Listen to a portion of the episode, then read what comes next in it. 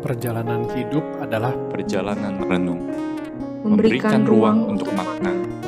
cinta Dan dan, perjuangan. Berdiamlah dalam ruang itu, bersama Sang Firman. ruang Ruang renung.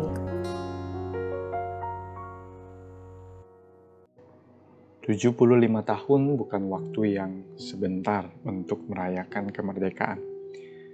Sudah berumur 75 tahun berarti sudah melalui jalan yang begitu panjang untuk menuju sampai kepada tahun atau umur itu.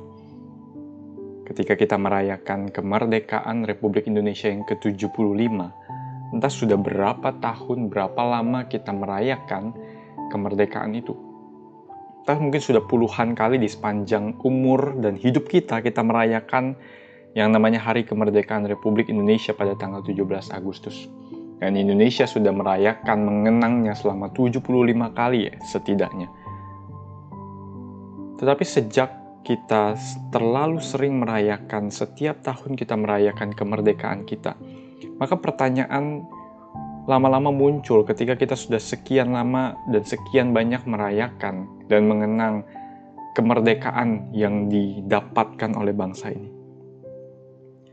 Pertanyaan yang terbesit di dalam pikiran saya adalah kemerdekaan dari apa yang sedang kita rayakan? Apa yang sebetulnya sedang kita rayakan di HUT ke-75 Dirgahayu Republik Indonesia? Merdeka dari apa? Apa yang kita rayakan? Pertanyaan ini terus mengusik mungkin banyak orang karena kenyataan euforia kemerdekaan itu seakan-akan tidak sesuai dengan kenyataan yang ada.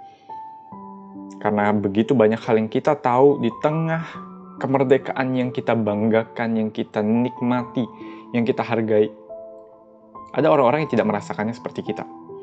Mungkin kita selamat dan merdeka, seperti yang diidam-idamkan oleh banyak orang yang berseru merdeka dan merdeka. Tapi ada banyak orang yang tidak bisa berseru merdeka dan merdeka. Kenapa? Karena mereka masih berjuang. Mereka berjuang bukan melawan penjajah, tetapi melawan bangsa mereka sendiri. Mungkin kita teringat dengan perkataan Soekarno bahwa dia berkata, "Perjuanganku mungkin lebih mudah karena aku melawan penjajah, tetapi perjuangan kalian akan lebih berat karena kalian akan melawan bangsa sendiri." Puluhan tahun silam sudah berlalu sejak Soekarno mengatakan itu dan mungkin perkataannya tepat sekali untuk menggambarkan situasi sekarang, di mana Indonesia secara politik carut marut, terbelah-belah, terbagi-bagi dengan politik keagamaan, suku, rasisme, dan lain sebagainya. Ataupun dengan kondisi ekonomi yang sangat-sangat tidak mendukung banyak orang kesenjangan itu terlalu besar sehingga banyak orang tidak mendapatkan hak mereka yang seharusnya mereka tidak merdeka. Tanah mereka dirampas, hidup mereka masih teraniaya, sedangkan banyak orang hidup dengan penuh kenikmatan dan penuh dengan rasa sukacita. Maka pertanyaan sekali lagi adalah, apa yang sebetulnya kita rayakan? Di sinilah kita selalu membutuhkan suara kenabian yang selalu berbicara keras melawan segala kenyamanan yang sekarang ini sedang kita nikmati. Kita selalu butuh suara itu untuk mengguncangkan kita. Dan suara inilah sebetulnya yang juga digaungkan oleh seorang Nabi Mika. Ketika dia dipilih dan dipanggil oleh Tuhan untuk mengucapkan kata-kata teguran, penghakiman kepada bangsa Israel yang waktu itu sudah terbelah utara dan juga Yehuda, Israel utara dan Yehuda. Pada saat itu Mika, walaupun dia mungkin lebih banyak ada di Yehuda, dia juga mengutuk atau menghakimi kedua bangsa ini, bangsa Israel Utara dan maupun Yehuda. Kenapa? Karena pada saat itu bangsa-bangsa Yehuda pun maupun Israel Utara itu memberontak di hadapan Tuhan. Mereka tidak menjalankan apa yang Tuhan kehendaki. Mereka mungkin sudah nyaman, mereka mungkin walaupun terpecah mereka punya keamanan dan kenyamanan mereka sendiri tetapi hati mereka dan hidup mereka tetap memberontak pada Tuhan. Dan di sinilah Mika bersuara terhadap kebenaran. Mika bersuara karena mereka menyembah Allah lain, mereka memberontak terhadap Tuhan, Dan salah satu isu yang paling disorot oleh Mika adalah di pasal yang ketiga. Ketika dia berfokus secara khusus dan sempit, bukan hanya kepada penyembahan masalah penyembahan berhala mungkin, tetapi masalah sekali lagi masalah sosial atau masalah keadilan. Dan di sini secara khusus Mika mengkritik para pemimpin-pemimpin yang ada di bangsa Israel. Di Mika pasal yang ketiga ayat 1 sampai 12 jelas sekali ditunjukkan oleh seorang Mika kataku baiklah dengar hai para kepala di Yakub dan hai para pemimpin kaum Israel. Lalu dia melanjutkan di ayat kelima, beginilah firman Tuhan terhadap para nabi.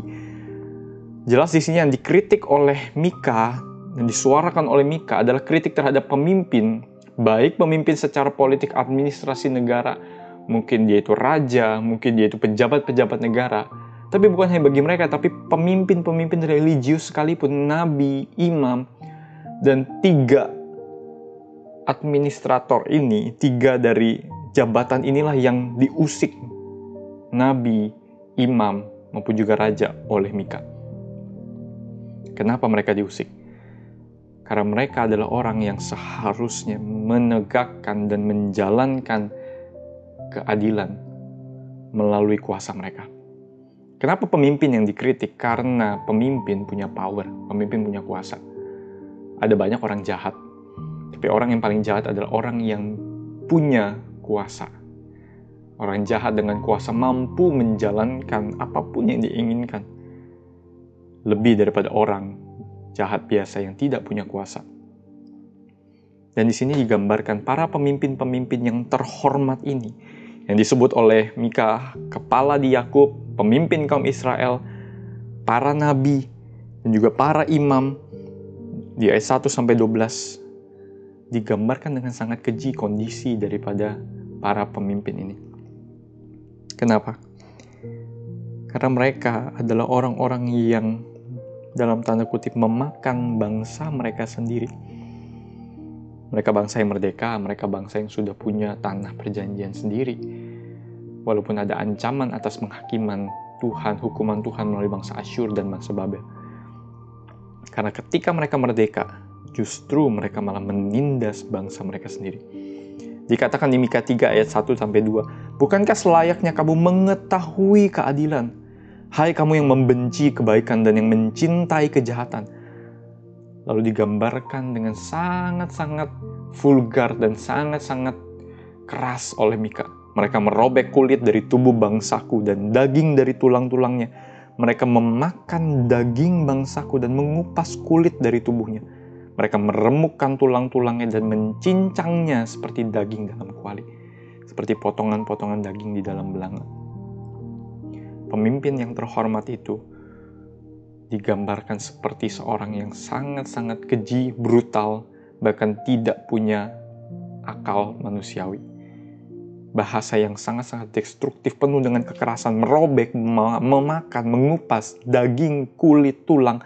Seakan-akan mereka seperti seorang kanibal atau bangsa yang barbar. Bangsa yang punya banyak sekali kehormatan dipilih oleh Allah, tetapi bangsa yang berlaku seperti orang barbar. Dan bukan hanya para pemimpin politik, tapi para para nabi-nabi sekalipun. Mereka dikatakan di ayat 5 menyesatkan bangsaku apabila mereka mendapat sesuatu untuk dikunyah, maka mereka menyerukan damai. Artinya para nabi sudah kehilangan suara kenabian mereka. Mereka yang seharusnya menyuarakan kebenaran, mereka yang harusnya bisa menegur para raja atau menegur para pejabat yang tidak sesuai, yang menindas orang miskin, menindas bangsanya. Mereka malah takluk kepada orang-orang yang memberi mereka makan, memberi mereka harta. Apabila kita memberikan uang pada saat itu kepada nabi, maka mereka akan memberitakan yang baik-baik karena kita sudah memberikan kecukupan kepada mereka. Asal mereka mendapat sesuatu untuk dikunyah, maka mereka menyerukan damai. Padahal keadaan mereka sangat-sangat tidak damai. Bahkan para pelihat akan mendapat malu dikatakan mereka membelokkan kebenaran demi memuaskan keinginan mereka sendiri. Mereka masih melakukan kegiatan agama, tapi mereka bersengkongkol dan mereka membiarkan kenyamanan mereka dan menindas orang-orang yang lemah di hidup mereka, di bangsa mereka, dan memakan bangsa mereka sendiri. Di sinilah suara Mika bersuara dengan keras seakan-akan mengkritik, menusuk dengan begitu tajam para pemimpin-pemimpin ini. Dan berkata bahwa mereka tidak akan luput.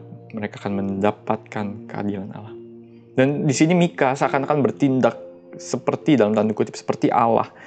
Dia membawa otoritas ilahi di ayat 8 dikatakan, tetapi aku ini penuh dengan kekuatan, dengan roh Tuhan, dengan keadilan dan keperkasaan apa yang dibawakan oleh Mika seakan-akan sangat kontras dengan suara kenabian pada saat itu yang lebih memilih menyerukan damai, damai, dan damai hanya demi memuaskan perut mereka. Tapi suara Mika bersuara dengan keras menyatakan kebenaran bagi para pemimpin yang bengkok. Mereka yang dikatakan di ayat 10, mendirikan Sion dengan darah, Yerusalem dengan kelaliman.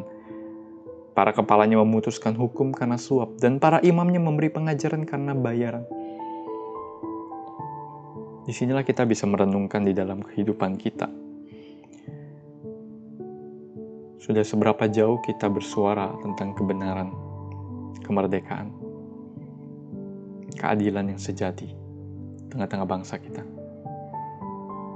Seringkali kita bukankah berseru kepada Tuhan, kita berdoa bagi bangsa dan negara di momen kemerdekaan, momen yang indah bagi kita, kita bersuruh kepada Tuhan untuk keselamatan bangsa kita, itu selalu kita doakan tiap tahun, atau bahkan tiap saat.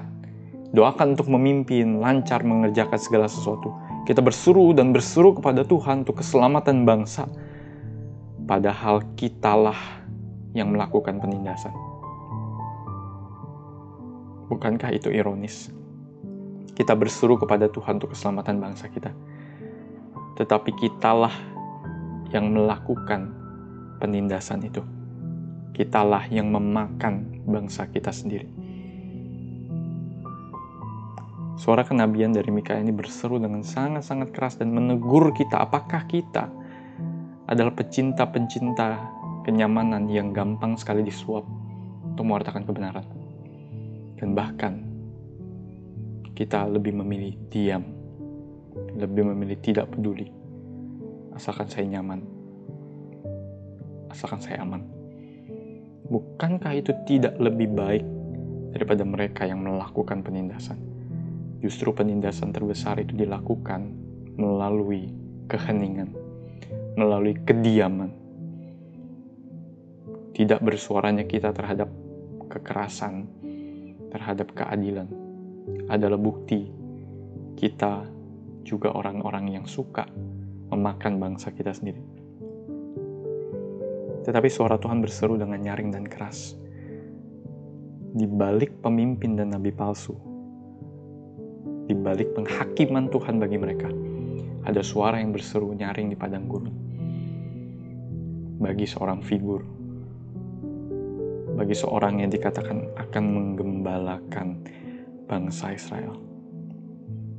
Yang akan kembali membawa dan menuntun bangsa Israel yang memimpin mereka bukan di dalam kelaliman, penyembahan berhala atau penindasan, tetapi raja yang penuh dengan damai yang sejati, raja yang membawa mereka kepada keselamatan yang benar.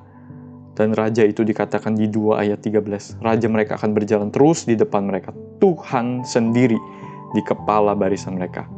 Dan dikatakan Tuhan digambarkan di kitab Mika itu seperti gembala yang baik. Di sinilah Tuhan seakan-akan menantang para pemimpin agama politik pada saat itu. Dan tantangan dari Tuhan itu dinyatakan ketika Yesus datang di tengah-tengah dunia sebagai nabi, imam, dan raja. Dia membawa kemerdekaan itu bukan dengan memberikan rasa aman dan nyaman yang sementara bagi manusia, tetapi dia memberikan keselamatan yang sejati, rasa aman dan rasa nyaman yang bahkan tidak terpikirkan orang pada saat itu. Melalui sebuah kekerasan, yaitu dengan pengorbanannya di kayu salib, menjadi korban dari kekerasan, brutalitas para pemimpin agama, pemimpin politik pada saat itu, ditimpakan kepada dia. Dia menanggungnya Karena dia menunjukkan dia tidak ingin mengambil jalan yang sama. Dia bersuara terhadap kebenaran dan ketidakadilan. Dia bersuara terhadap dosa manusia yang merongrong kehidupan manusia. Tapi dia menyuarakannya dengan kasih. Seperti seorang bapak sayang kepada anaknya. Seperti gembala yang baik. Bukankah suara kenabian itu yang harus kita hidupi?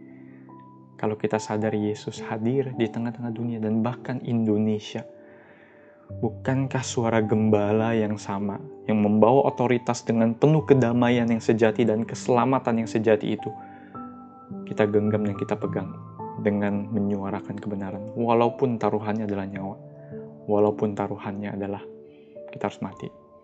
Tapi bukankah kita meneladani Yesus Kristus yang menderita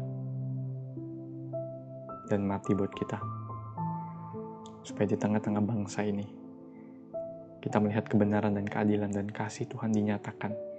Di situlah kita bisa berkata bahwa Indonesia penuh dengan kemuliaan Tuhan.